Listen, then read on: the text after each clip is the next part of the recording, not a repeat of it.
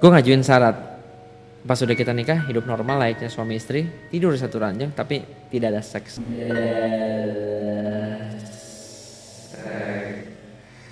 Welcome guys.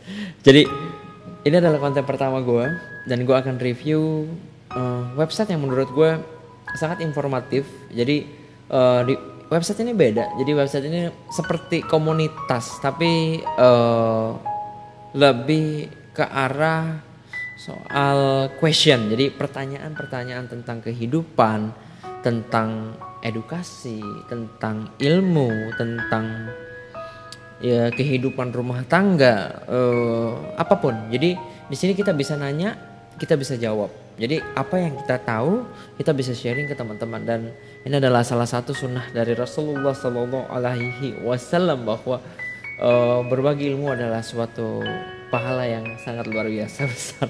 Bentar lagi gue jadi Habib ya. Oke, jadi gue akan kasih tahu teman-teman bahwa ada sebuah cerita yang menurut gue sangat unik sekali. Jadi tadi pagi gue baru dapat informasinya dari teman gue di grup di grup mantan kantor gue. Terus ada ternyata dia juga suka uh, suka baca gitu di Quora dan menurut gue kenapa gue nggak angkat cerita-cerita yang ada di Quora ini uh, menjadi sebuah konten karena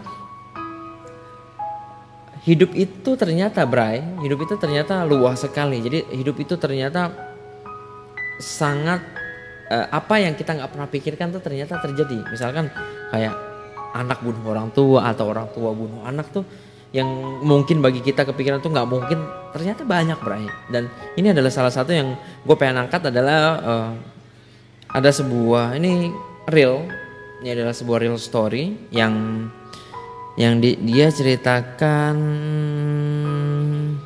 yang ada yang menanya. Jadi ada di kuasa kita buka ya Quora ya. Jadi kalau kita cek di Quora ini jadi pertanyaannya adalah bagaimana rasanya menjalani pernikahan tanpa ada rasa cinta Bray? Ada yang nanya, ada yang menjawab kayak gitu. Terus ada anonim yang menjawab. Nah ini yang menarik banget. Ceritanya menarik banget. Um, dia dia menjawab 8 Mei tanggal 8 Mei. Kita lihat ya. Nah, kita lihat. Dia jawab begini pertanyaan yang sangat pas untuk pengalaman saya ini. Maaf sebelumnya karena jawab pakai anonim karena takut ada yang kenal. Luar biasa. Ya biasanya kalau kayak gini-gini ceritanya dari hati beneran nih karena dia nggak mau ke reveal siapa diri dia sesungguhnya oke? Okay? terus satu gue seneng baca yang kayak gini nih. Jadi enak dipisah-pisah gitu. Jadi kita akan bacain fact-nya. Saya menikah di umur 30 tahun dan bisa dibilang terpaksa.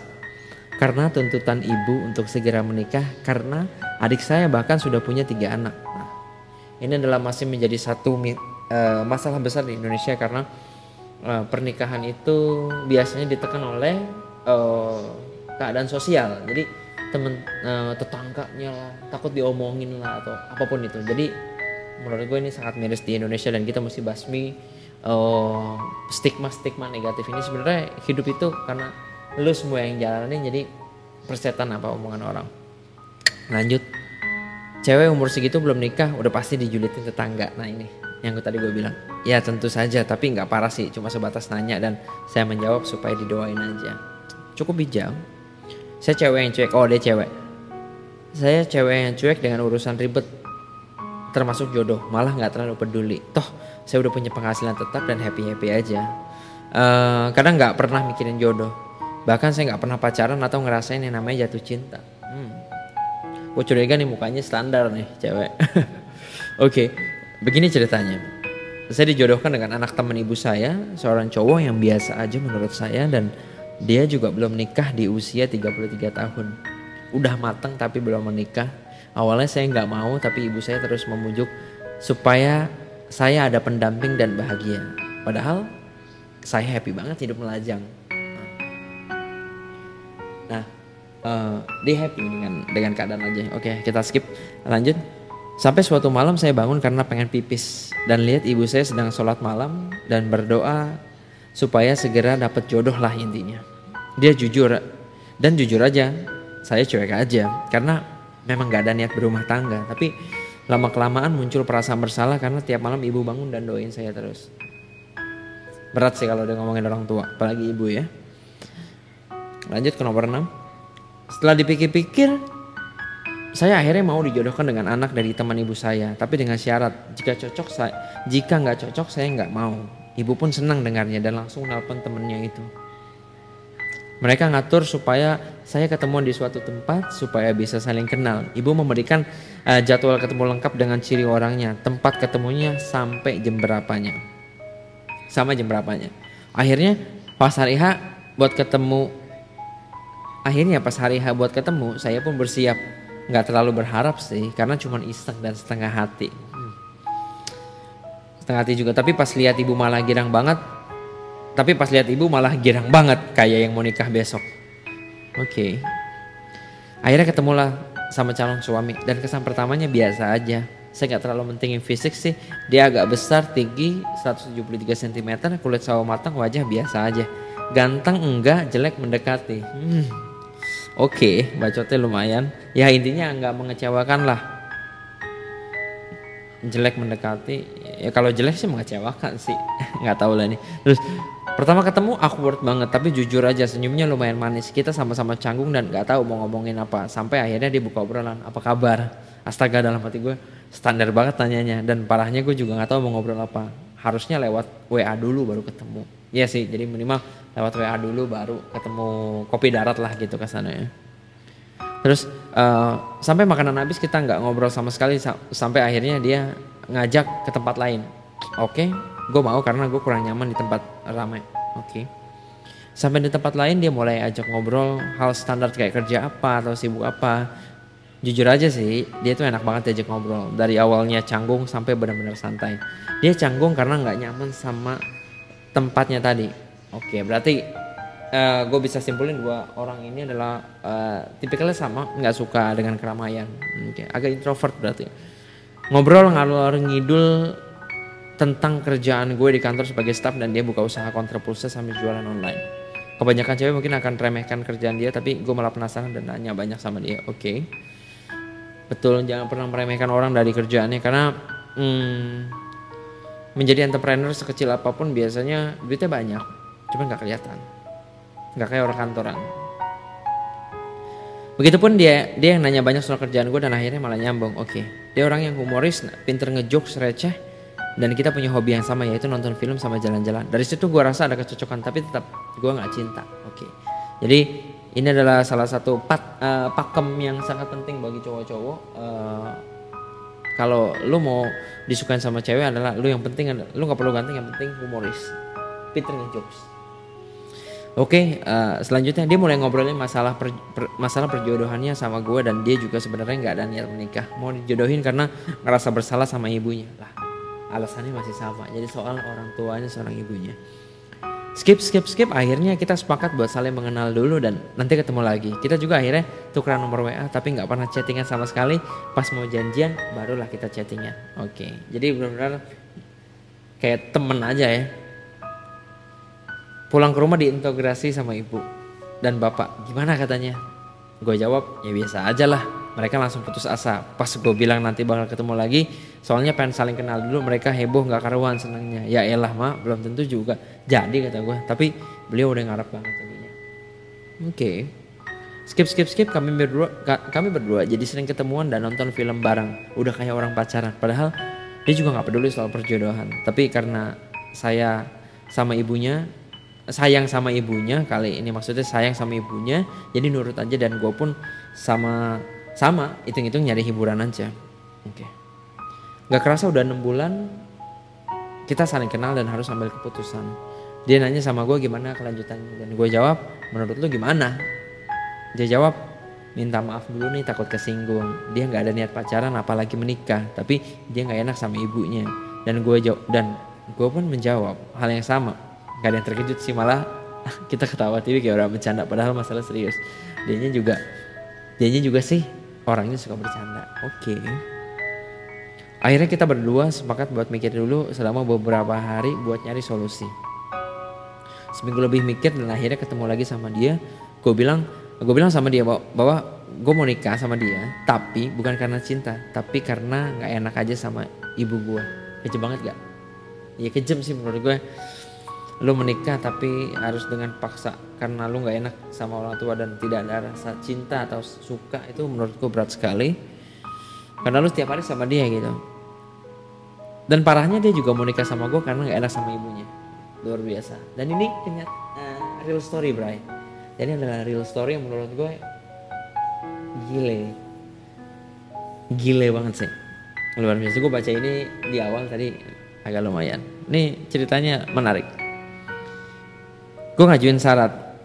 Pas sudah kita nikah hidup normal layaknya suami istri tidur satu ranjang tapi tidak ada seks. Dan menjalankan kewajiban masing-masing sesuai posisinya. Jadi mungkin kayak temen kali ya satu kamar satu kosan kayak gitu. Ya kayak gitu. Oke dan oke deal. Dan kita putusin kita nikah segampang itu. Udah kayak mainan aja. Ya iya sih mainan banget ini Tiga bulan kemudian kita nikah dengan hajatan yang biasa aja lah ya kayak sepasang suami istri. Lihat ibu bahagia banget jadi malah baper ikutan seneng. Oh gini ya namanya nikah. Suami pun kayak orang ke bawah suasana hajatan padahal bisa dibilang kita cuma pura-pura. Oke. Okay. Hajatan selesai dan waktunya, waktunya malam pertama gue mau ingetin lagi sama dia kalau tidak ada enak-enak di pernikahan kita. Eh dia malah udah pulas duluan. Lucu juga nih. Kami menjalani hidup rumah tangga pada umumnya, ngambil kredit rumah, pulang kerja bareng, ka, ka, karena uh, kadang dia lebih malam dan gue nggak pernah nanyain mau, nanyain mau selingkuh juga gue nggak peduli, tapi jujur dia sangat menghormati yang namanya pernikahan.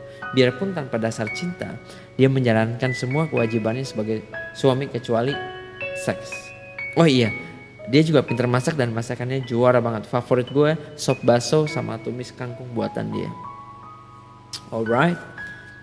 Diranjang pun nggak ada manja-manjaan. Kita lebih mirip teman yang lagi main di kamar. Gue nggak ada panggilan sayang malah pakai lu gue kecuali kalau sama keluarga gue panggil dia mas. Oke okay, kamu flase.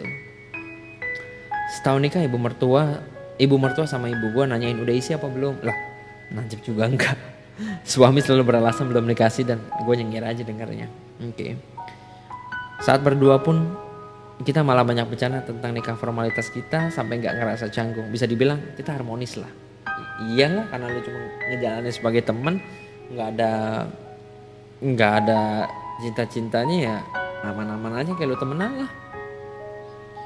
Suami juga bukan orang yang bandel atau ganjen dia rajin dalam ibadah dan pekerja keras menurut gue meskipun agak somplak kontaknya otaknya kalau lagi bercanda kocak banget. Kadang gue mikir ini orang kenapa nggak dapet jodoh ya? Padahal sebagai pria dia perfect dan pas sebagai suami idaman tapi mukanya standar gitu. Makanya dia susah dapet jodoh gitu. Tapi nggak juga ya cowok mah standar standar juga dapet aja sih. Nikah udah hampir tiga tahun dan ibu-ibu makin julid aja masalah momongan. Takut takut kedua anaknya udah kering karena nikah tua. Padahal umur gue baru tiga tahun dan suami gue 33 tahun. Disuruh cek ke dokter dan hasilnya pun subur. Subur subur aja. Iyalah subur. Orang nggak dibuahin gimana mau jadi nikah udah lama dan sedikit pun gak ada yang berubah perasaan saya sama dia gak ada cinta sama sekali. Dan dia pun begitu. Tanpa momongan pun kita happy aja. Tapi kadang ngerasa bersalah sama orang tua. Sampai pada suatu hari kita lagi di mall dan habis nonton film di parkiran kita ketemu teman kuliah suami cewek pula.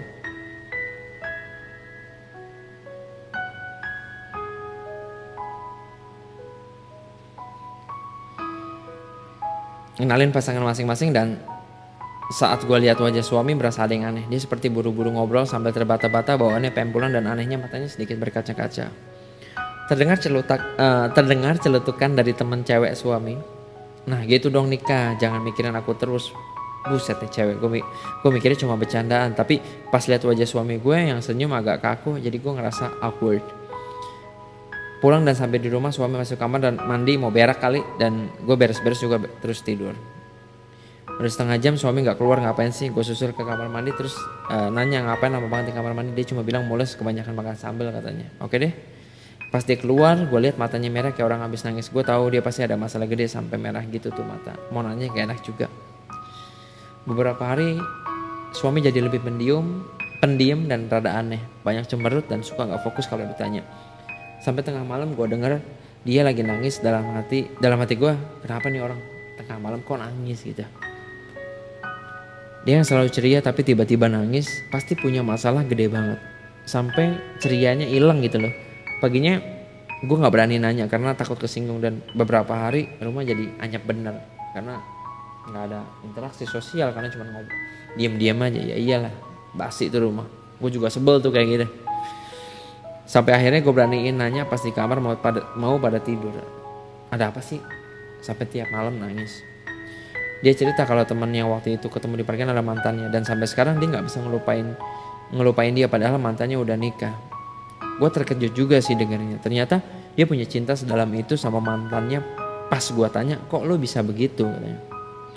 gue penasaran sama kisah cinta dia karena sejujurnya gue nggak pernah nanya dia pernah pacaran atau belum atau nanya kenapa nggak punya pacar di usia yang udah 33 dan dia awalnya nggak mau cerita karena pengen lupain. Tapi gue ngasih tahu kalau dia pendem sama dilupain itu beda oke okay. akhirnya dia mau cerita soal mantannya dia pacaran dan dia pacaran udah setahun lebih sejak semester akhir kuliah dan berencana menikah sama dia dia juga udah bilang serius sama pacarnya menyerahkan semua ke pacarnya. Oke, ini cowok goblok juga sih. Hubungannya berjalan dengan baik, baik-baik aja sampai pada suatu hari dilihat pacar sedang berdua dengan cowok lain dan dia hanya bisa nahan sakit karena nggak mau kehilangan ceweknya karena udah kadung dalam cintanya. Jadi dibiarin aja, goblok. Dia tahu ceweknya selingkuh dan dia diam aja. Lu cowok apaan sih kata gue? Mau-maunya nangis buat orang kayak gitu. Dia bilang, gue nggak bakal ngerti karena nggak karena gue nggak pernah cinta sama orang ya juga sih cowok selingkuhan cowok selingkuhannya itu bisa dibilang lebih baik dari suami gue. Punya mobil motor ninja sama gantengnya nggak ketulungan. Sementara suami gue lebih mirip gue gemblong. Oke okay. bukan gue yang ngomong tapi dia. Seminggu sebelum putus dia main ke kosan ceweknya karena ceweknya minta diajarin apalah pokoknya gue nggak ngerti pas sampai halaman kamar uh, ceweknya dia dengar obrolan ceweknya sama teman kosannya kurang lebih begini. Lu masih aja sama si A suami gue dia punya dia punya apa sih? Konter HP kecil mobil nggak ada motor biasa aja. Nggak bakal dia bisa biayain hidup lu nanti. Kira-kira gitulah tapi dalam bahasa daerah lah pokoknya. Gue yang dengar kalimat kayak gitu juga ikutan kesel. Suami saat itu cuma bisa menahan perih ditambah ada omongan kayak gini. Ya bentar ya bentar lagi juga gue putusin cuma belum pas aja waktunya. Buset deh pria kualitas kayak gini nggak dihargain. Nganggapnya yang punya mobil selalu lebih baik. Iya enggak nggak gitu. Karena menurut gue adalah oh, karena gue berangkat dari ekonomi yang struggle struggle life gue dari kecil menurut gue adalah mencari suami adalah yang mau bekerja keras dan mau melakukan apa aja untuk bisa menyenangin keluarga. Itu berai suami gue yang niatnya mau ke kosan dia tetap masuk ke kosan sambil senyum kayak nggak ada kejadian apa-apa. Goblok. Udah udah ketutup sama cinta seminggu, seminggu kemudian ceweknya minta putus dan suami gue nerima dengan ikhlas tapi nggak bisa lupain padahal udah beli cincin. Bego lagi sekali lagi bego. Saat itu pertama kalinya gue lihat suami sedih dan nangis. Taunya dia punya masalah mental yang dalam juga. Dan nggak tahu kenapa ada perasaan iba di hati gue gue akhirnya tahu alasan suami gue nikah hanya pelarian semata supaya lupa sama mantannya. Gue nggak kesinggung sih tapi ngenes juga lihat orang yang dikecewain sampai segitunya. Oke? okay? Beberapa hari udah lewat sejak kejadian itu gue ngerasa ada yang ngeganjel di hati gue kondisi rumah juga udah balik normal lagi. Suami jadi lebih sering senyum kayak nggak ada beban. Udah lupa lah intinya. Dan gue pun ikut senang tapi masih ada yang ngeganjel di hati gue gue selalu kepikiran cerita suami gue dan entah kenapa gue ngerasa nggak terima suami gue digituin. Gue jadi sering nelfon suami gue dan nanyain lagi apa atau sudah makan apa belum. Sampai suami gue tuh heran. Sendiri tumben perhatian gitu di rumah pun gue ngerasa was-was kalau suami pulang malam takut dia nyari pelampiasan ke cewek lain atau dan dan lupa udah punya istri. Lah kita kan formalitas doang ngapain juga gue mikir kayak gitu? Tapi malah makin hari makin takut gue suami gue kenapa-napa. Oke. Okay gue curhatin sama sahabat gue dan dia bilang gue aneh. Masa kayak gitu aja nggak ngerti? Menurut dia wajar kalau istri khawatir suami pulang malam atau mau macam-macam sama cewek lain. Itu bukti cinta namanya. Cinta dalam hati gue gue nggak ngedumel. Ini cuma formalit ini gue ini tuh cuma istri formalitasnya gitu. Masa iya cinta? Nggak mungkin. Semakin nolak semakin besar ketakutan gue ada kita dengerin lagi lanjutannya. Sampai pada suatu hari suami nggak balas pesan WA padahal gue sering ngirim telepon. Nggak diangkat gitu. Dan pas dia pulang gue ketusin dia sampai dia keheranan gue nanya dengan nada ngambek dan dia bilang lu kenapa sih? Gue gue khawatir sama lo lu bilang kayak gitu. Nggak salah dia bilang. Gue langsung masuk kamar sambil cemberut dalam hati ngapain sih gue kayak gini? Langsung gue tinggal tidur. Selesai mandi suami masuk kamar dan minta maaf kalau bikin khawatir. Eh gue malah senyum-senyum sendiri. Gue malah jadi sering chat sama dia pulang jam berapa mau makan apa. Persis sudah kayak istri beneran. Lah emang beneran dia bilang gue makin aneh tingkahnya tapi bodo amat gue senang soalnya kalau lihat dia ceria gitu. Gue cerita sama sahabat gue kalau gue udah masukin apa aja gue udah masakin apa aja buat suami gue dan dia bilang gue aneh kayak orang yang baru nikah. Katanya padahal gue udah mau tiga tahun. Sambil nunggu suami pulang gue mikir kenapa gue jadi gini ya? Apa gue jatuh cinta sama tuh gemblong gitu? Ah bodo amat toh gue seneng lakuinnya jadi ya jalanin aja tiap hari makin kesemsem gue sama dia dan dia seperti biasa aja tapi gue nggak peduli. Jadi ya jadi gini ya yang namanya jatuh cinta. Nah, akhirnya tuh perempuan jatuh cinta sama si lakinya. Itu pertama kalinya gue jatuh cinta dan ada rasa takut kehilangan yang amat besar sampai kadang parno juga. Sampai suatu hari gue mau nyatain cinta sama dia. Suami pulang cepat dan malamnya kita di kamar sambil nonton film di TV bercanda sana sini gue senang bukan kepala sampai gue bilang sama dia gue cinta sama lo. Wih deh akhirnya di cerita. Dia akhirnya jujur sama lakinya boleh. Gue beneran cinta sama lo dan dia bilang lo ngomong apa sih? Kan kita udah nikah. Wajar lah kalau saling cinta. Hmm, artinya lakinya juga sudah tahu lah. Astaga gue serasa ter, terbang cinta gue terbalas oleh cinta dia. Tapi bohong. Dia cuma bercanda ngomong gitu dan dia nganggap gue juga cuma bercanda. Tapi gue jelasin sama dia kalau gue beneran cinta sama dia gue nggak mau kehilangan dia. Dia diam dalam seri dia diam seribu bahasa dan memilih keluar rumah nggak tahu ke mana. Gue chat telepon nggak ada yang dibales. Gue takut banget dia marah sama gue karena gue sendiri yang bilang dulu kalau kita nikah nggak ada cinta gue nangis sekejar-kejarnya dan gue baru sadar jadi gini rasanya ditolak tuh ya nggak enak akhirnya gue bawa tidur aja tuh mata dan pas bangun subuh suami udah tidur di samping gue seneng nih pasti setelah itu kita diem-dieman selama seminggu bahkan suami tidur di bahkan suami tidur di kamar sebelah dan gue jadi nggak masuk kerja tiga hari karena kepikiran suami gue. Oke, okay? ini masalah pertama dalam rumah tangga gue sejak tiga tahun nikah. Anehnya karena istrinya cinta sama suaminya. Lucu. Pada akhirnya gue berani buka obrolan dan nanya apa dia marah sama gue. Dia bilang enggak, dia nggak pernah marah sama gue. Gue pelong banget tapi gue masih takut. Kenapa lu diemin gue? Tanya gue sama dia. Dia bilang dia takut nyakitin gue. Gue kaget dengerin dia ngomong kayak gitu. Kenapa? Dia masih mikirin mantannya dan ditambah lagi dia takut kecewa kayak dulu. Gue diem aja pas dia ngomong gitu terus masuk ke kamar dan nangis seharian. Dan dia pun akhirnya malah ngeloyor gak tahu ke mana. Sampai pagi gue bangun tidur dia udah ada di samping gue. Gue senang sih karena dia udah mau seranjang lagi tapi masih ada canggung juga.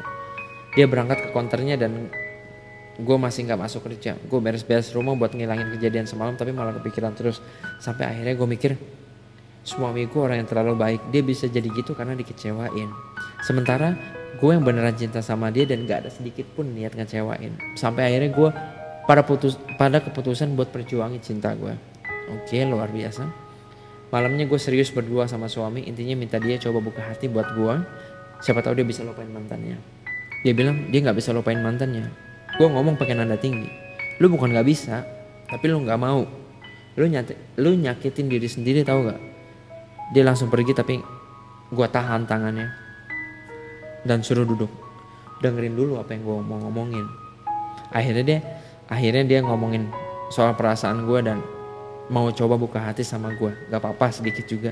Gue malah nangis tercampur terharu campur seneng dan langsung meluk suami gue besoknya gue mulai melayani su suami gue layaknya seorang istri. Dari cium tangan sampai nyuciin baju dia dulu mah boro-boro. Tapi dia tetap bergeming dan gak ngaruh sama sekali. Udah berjalan seminggu tapi gak ada perubahan. Sampai pada akhirnya terlintas ide gimana kalau seks? Gue coba rayu suami pas malam sebelum tidur dan dia malah ketawa gitu katanya gue agresif banget bodoh lah oke nggak apa-apa namanya juga berjuang pasti ada hambatannya gue coba lagi dan dia ketawa lagi. Dia pulang gue peluk dia dan dia mulai terbiasa balas pelukan gue. Dan pada akhirnya dia bilang makasih ya. Dan pada akhirnya dia bilang makasih ya udah mau cinta sama dia. Dan dia sebenarnya lagi belajar mencintai gue selama seminggu ini. Astaga gue seneng banget. Dia pun akhirnya mulai terbiasa sama sikap gue dan bisa menerima gue dan dia juga bilang cinta sama gue dan minta maaf kalau kemarin bikin sakit hati karena dia takut banget soalnya. Dan besok malamnya gue coba isengin dia ngajakin seks lagi dan dia mau padahal gue lagi PMS oke. okay dia malah gemes sama gue dan kita malah bercanda. Udah kayak suami istri beneran. Ya iyalah beneran. Cubit-cubitan. Sampai wajah dia ada tepat di depan gue dia nyium kening gue dan gue balas nyium bibir. Dan gue balas cium bibirnya dia. Astaga. Itu ciuman pertama gue gue tersipu malu dan dia malah meluk gue PMS pun selesai dan tanpa babi bu kita tempur malamnya. Oh my god. Setelah tiga tahun nikah gue baru lepas status gue kami jadi intens sering berdua di kamar dan gue ngambil cuti buat bulan madu padahal di rumah padahal di rumah doang lagi bereproduksi. Dua bulan kemudian gue positif hamil dan suami senang banget dengarnya. Sekeluarga heboh. Akhirnya setelah melewati drama kehamilan 9 bulan, anak kami lahir dan dengan operasi sesar karena gue hamil kembar. Satu cewek, satu cowok. Wah, God bless. Setelah anak umur 6 bulan, gue mutusin resign dari kantor dan pesangonnya lumayan gede sebagai ben, se, uh, sebagian buat gue uh, kasih buat suami gue dia sempat tolak karena itu merasa bukan uang dia. Gue nggak peduli gue mau ngasih nih terima kata gue suami nurut aja dan uang uangnya dipakai buat modal usaha. Oke. Okay. sampai cerita ini ditulis anak udah 10 bulan dan gue lagi begadang nyusuin sementara suami gue lagi ngorok depan TV ya gitu cerita nikah. Ya gitulah cerita nikah gue yang tadinya tanpa cinta udah kayak sinetron aja. Sebenarnya tapi memang begitu ceritanya. Selesai Oke.